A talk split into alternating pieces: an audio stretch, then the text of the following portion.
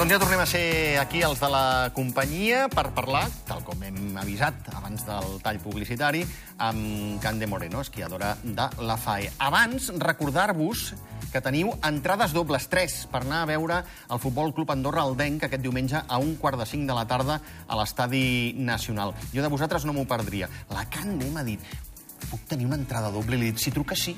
873 777 873 700. Els telèfons per aconseguir aquesta entrada doble per anar al futbol diumenge amb qui vulgueu.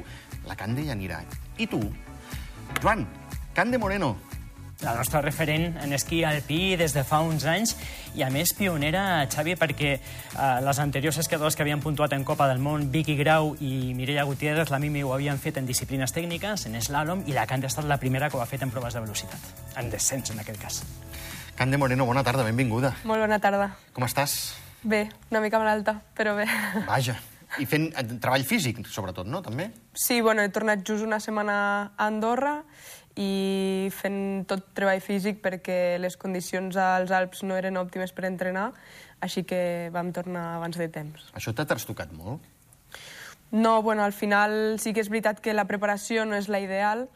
Eh, a nivell d'esquí no, no estic ficant tantes hores eh, als peus, però, però bueno, eh, hem de tenir paciència. Eh, en aquestes èpoques és complicat sempre, així que aprofitar al màxim a nivell físic, donar aquest plus sempre abans de, de començar i ja està. Jo li volia demanar a la Cande, bona tarda, Cande, eh, has tornat a entrenar amb Simon Bastelica, eh, tècnic amb qui havies estat a la federació ara fa alguns anys, eh, després va venir doncs, aquesta etapa amb de Jean-Paul Jansek. No és una miqueta aquestes primeres setmanes de retorn amb Simon Bastelica, quin balanç faries? Bueno, la veritat és que per ara molt bé. És veritat que no he pogut esquiar molt amb ell. Vaig fer una primera presa de contacte que diguéssim a Sasfe eh, just tornant d'Ushuaia, una setmana més tard.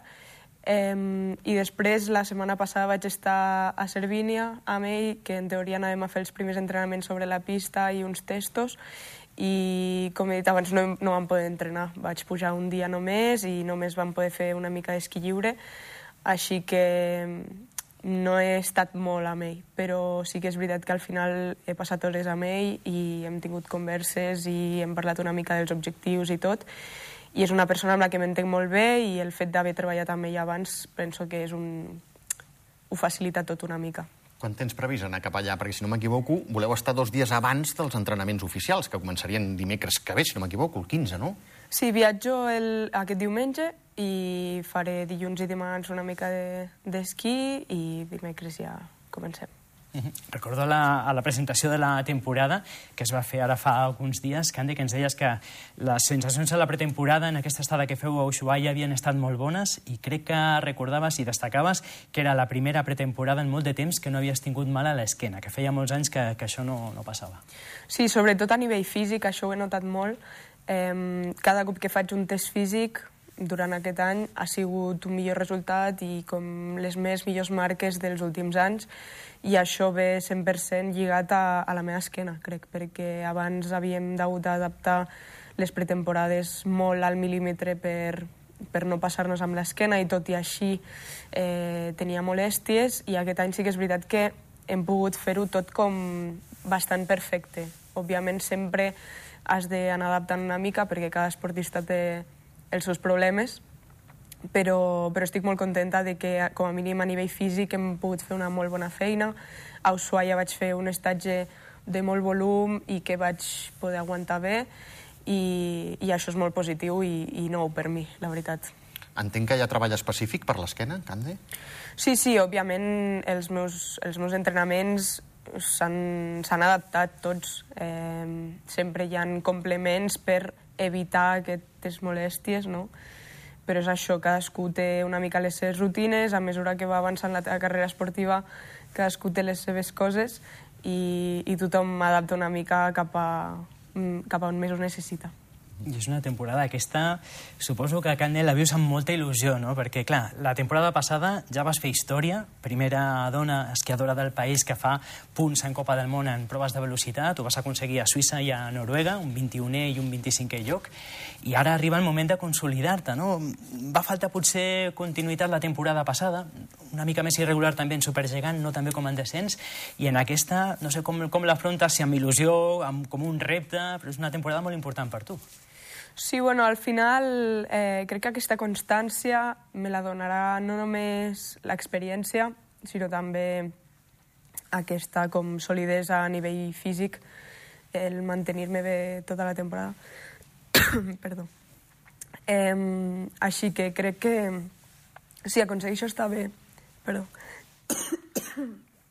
tota la temporada, Clar, és, és aconseguir aquesta Beu una aquesta miqueta d'aigua, Clar. em fas patir, beu una miqueta d'aigua. Però és, és això, no? Una vegada ja doncs, has aconseguit aquest top 30, no? Has trencat ja doncs, aquesta frontera d'estar entre les 30 millors. Ara és el repte. No és fàcil, no? Cada curs és diferent, evidentment tampoc no aconseguir una vegada o dues no és garantia de res, però sí que t'has convençut, Cande, que tens el nivell per, per ser entre, entre les 30 millors en una disciplina tan complicada com, com és el descens. Perdó. Sí, la veritat és que és tren- estar entre les 30 és molt difícil. Espera, I a més, fes, una, fes un altre glob, fes un altre glob, que el Joan té moltes coses a No, explicar. recordo, No, a no, més... No, anava a dir que, que, a més, és una disciplina en què les millors, les que estan al capdavant, són corredores o que passen de la trentena. Tenim a la Sofia Gotja, no? que, que ara mateix és qui domina la, la disciplina en de ferro, eh, que ja doncs, passa alguns anys de, de la trentena, altres que ho estan, doncs, eh, estan allà ben a prop, i la Cande Xavi acaba de fer 23 anys. Per tant, doncs, en una disciplina com, com aquesta té molt de mèrit ja doncs, treure el cap entre, entre les millors. No sé quins serien, quins serien els reptes o les fites per, per aquesta temporada, després de tot el que ha dit el, el Joan. Bueno, la Copa del Món és el meu objectiu principal, estar consolidada amb aquest circuit i, com bé has dit, és molt difícil. Eh, penso que l'experiència ajuda moltíssim, són noies grans que porten amb aquest circuit molt temps i, i cada any repetir aquestes pistes és molt, és molt, ajuda molt. Llavors, eh, penso que any re, rere any m'ajudarà molt el fet de poder entrenar i esquiar amb aquestes pistes. Eh, I després a nivell de confiança també ajuda moltíssim. I després a nivell físic, el que t'he dit abans, el fet de poder treballar bé et permet mm, aguantar tota la temporada en forma i, i això ajuda Com ens fas moltíssim. patir? Com ens Ho fas sento, patir? és que... No, dona, no, agafat només faltaria. just un atac. És molt important, eh? Aquest estat físic, perquè recordo que, que la Cande, que fins i tot va haver de fer una aturada eh, en la seva carrera esportiva, era l'últim any que competia en júnior i que tenia un mundial en què podia aconseguir un gran resultat i el va haver de deixar de banda i va estar uns mesos que fins i tot no tenia clara eh, la seva continuïtat en l'esport d'alt nivell. Va ser un seguit de visites amb especialistes, de treball, fins i tot en un centre doncs, a Cap Bretó, no? per, per intentar doncs, recuperar aquesta esquena. Primer saber quin era el problema que, que tenia uh -huh. i després fer-li front i tot això, després de- d'aquest temps, tornar i fer-ho puntuant a la Copa del Món la temporada passada, ara, si aconsegueix aquesta continuïtat de no tenir problemes, de no tenir molèsties, podem esperar una temporada ben, ben bonica. Eh? Cande, un any sense Jocs Olímpics, eh, marcat en vermell eh, la Copa del Món de Sol de Valtarter. Eh, bueno, jo no, no competeixo amb aquestes disciplines, llavors aquí a Soldeu el Tarte no estaré, eh, però sí que tinc com a gran objectiu potser, o sigui, tant de bo el meu nivell sigui tan alt com per arribar a unes finals de Copa del Món, eh, classificar-me entre les 25 al circuit en general seria... Ets la fita per això? És, és, és on, on tens la mirada posada? Bueno, penso que és un resultat molt, molt ambiciós, eh, però no té per què ser algo impossible. Crec que si aconsegueixo aquesta constància, al final mm, crec que estic esquiant a bon nivell, simplement he d'acabar carreres, he d'acabar esquiar al meu nivell, mantenir aquest nivell, sobretot, i penso que, que podria estar-hi. De demanar que Andorra aspira a organitzar una prova de velocitat en categoria femenina per veure la Cande, però si no els Mundials, eh? el 2029, que encara la tindrem doncs, jove i preparada per participar, amb molta més experiència. Jo li volia demanar a la Cande, per la primera prova, aquesta que faràs la setmana vinent, Germa Cervinia, no es va poder fer l'any passat per manca de neu, però fa molt bona pinta, no? La sortida, el punt de sortida més alt de la història de la Copa del Món, una prova que es fa entre dos països, no? Suïssa i Itàlia. No sé els esquiadors com, com ho viviu això, perquè és, és un, un escenari únic. Sí, únic i molt complicat també, perquè penso que fer una carrera tan alçada és sempre una dificultat. Vulguis o no, eh, a 3.800 metres es nota molt.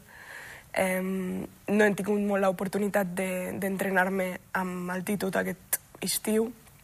A Ushuaia estem superbaixos, quasi al nivell del mar, i les últimes setmanes als Alps no he pogut esquiar, llavors crec que això serà una dificultat afegida que normalment no tens, i, però sí, sí que és veritat que l'escenari és espectacular, estàs allà al costat de, del Cervino, que és un, són unes muntanyes supermaques, i, i bueno, tot, tot crec que ho complica una mica el fet de que sigui tan d'hora la temporada. Mai et sents lo suficientment preparat, penso, en aquesta època, com per atacar directament amb una Copa del Món, però, però bueno, com les ganes són aquí i al final l'escenari és el mateix per tothom, eh, anem a donar-ho tot i a veure on estem. La manca de precipitacions en forma de neu, Cande, t'ha fet canviar tu eh, el que tenies eh, previst, t'ha fet tornar al país, eh, treball físic, però clar, això els hi passa a totes també, no? Sí, bueno, sí que és veritat que més que falta de precipitació, era que hi havia molt vent i no estaven obrint el glaciar. I mm, les altres noies s'entrenaven... He vist que les noruegues estaven a Noruega. Quina veu que tinc. eh, però sí que és veritat que les franceses i les italianes estaven allà al mateix temps que jo i tampoc han pogut treballar molt. Eh, però bueno, això són coses que no ens hem de preocupar massa tampoc és molt d'hora i no sempre l'esquiar més és el més ideal i no vol dir que perquè ara no, no haguem pogut esquiar les últimes setmanes no estarem al nivell. Eh, sí que és veritat que potser et dona aquest plus de confiança just abans de començar, però, però bueno, eh, és, és el que hi ha i, i ens hem d'adaptar. Uh -huh. No sé si tenim encara res, eh, 30 segons, per demanar-li a la Cande si hi ha doncs, algun resultat, Cande, que t'il·lusioni. Abans de començar la temporada, el repte és mantenir-te en el top 30, sumar um, com més top 30, doncs millor, però algun resultat que diguis, doncs, vaig a buscar a veure, un, a veure si arriba el top 20, el primer top 20 en Copa del Món, hi ha un resultat que et posis així una miqueta com a, com a llistó, o algun escenari, alguna pista en què diguis, potser arriba en aquesta? Mm, no et diria una pista en concret, però sí que cada cop baixa més el rànquing, sempre es parla del top 30, però un top 20, un top 15 seria algo molt, molt bo. Però no, no em fixo tant en això. Crec que si esquio al bon nivell, els resultats estaran així que ja està. Arribaran. Sí, arribaran, eh? No estan, no estan fixats, eh? Tot eh, sobre la marxa. Ja veurem sí. com anirà tot plegat. Sí, sí. Molt bé. Doncs, eh, Cande Moreno, moltíssimes gràcies i, sobretot, moltíssimes gràcies per haver vingut com has vingut, malaltona, perquè ens ho has demostrat. Avui ha sigut el pitjor dia, però bueno, havia de venir, així que a vegades ens hem dat això també. Doblement agraïts. Moltíssimes gràcies. gràcies Joan, gràcies. A tu, Xavi. I a tots vosaltres també, moltíssimes eh, gràcies. Recordeu, eh, la companyia continua a Ràdio Nacional d'Andorra, a la 94.2 de la freqüència modulada, fins les 5 de la tarda. I recordeu també que teniu un telèfon a marcar, o dos, els que vulgueu, el 873 777 873 700 si voleu aconseguir una entrada doble per anar a veure el Futbol Club Andorra al Denc aquest diumenge a un quart de cinc a l'Estadi Nacional. Una entrada doble ens queda per anar tu i qui tu vulguis. Diumenge, recorda, un quart de cinc, Estadi Nacional, Futbol Club Andorra al Denc. Ens escoltem a la ràdio i aquí, Andorra Televisió. Fins dimecres. Adéu-siau.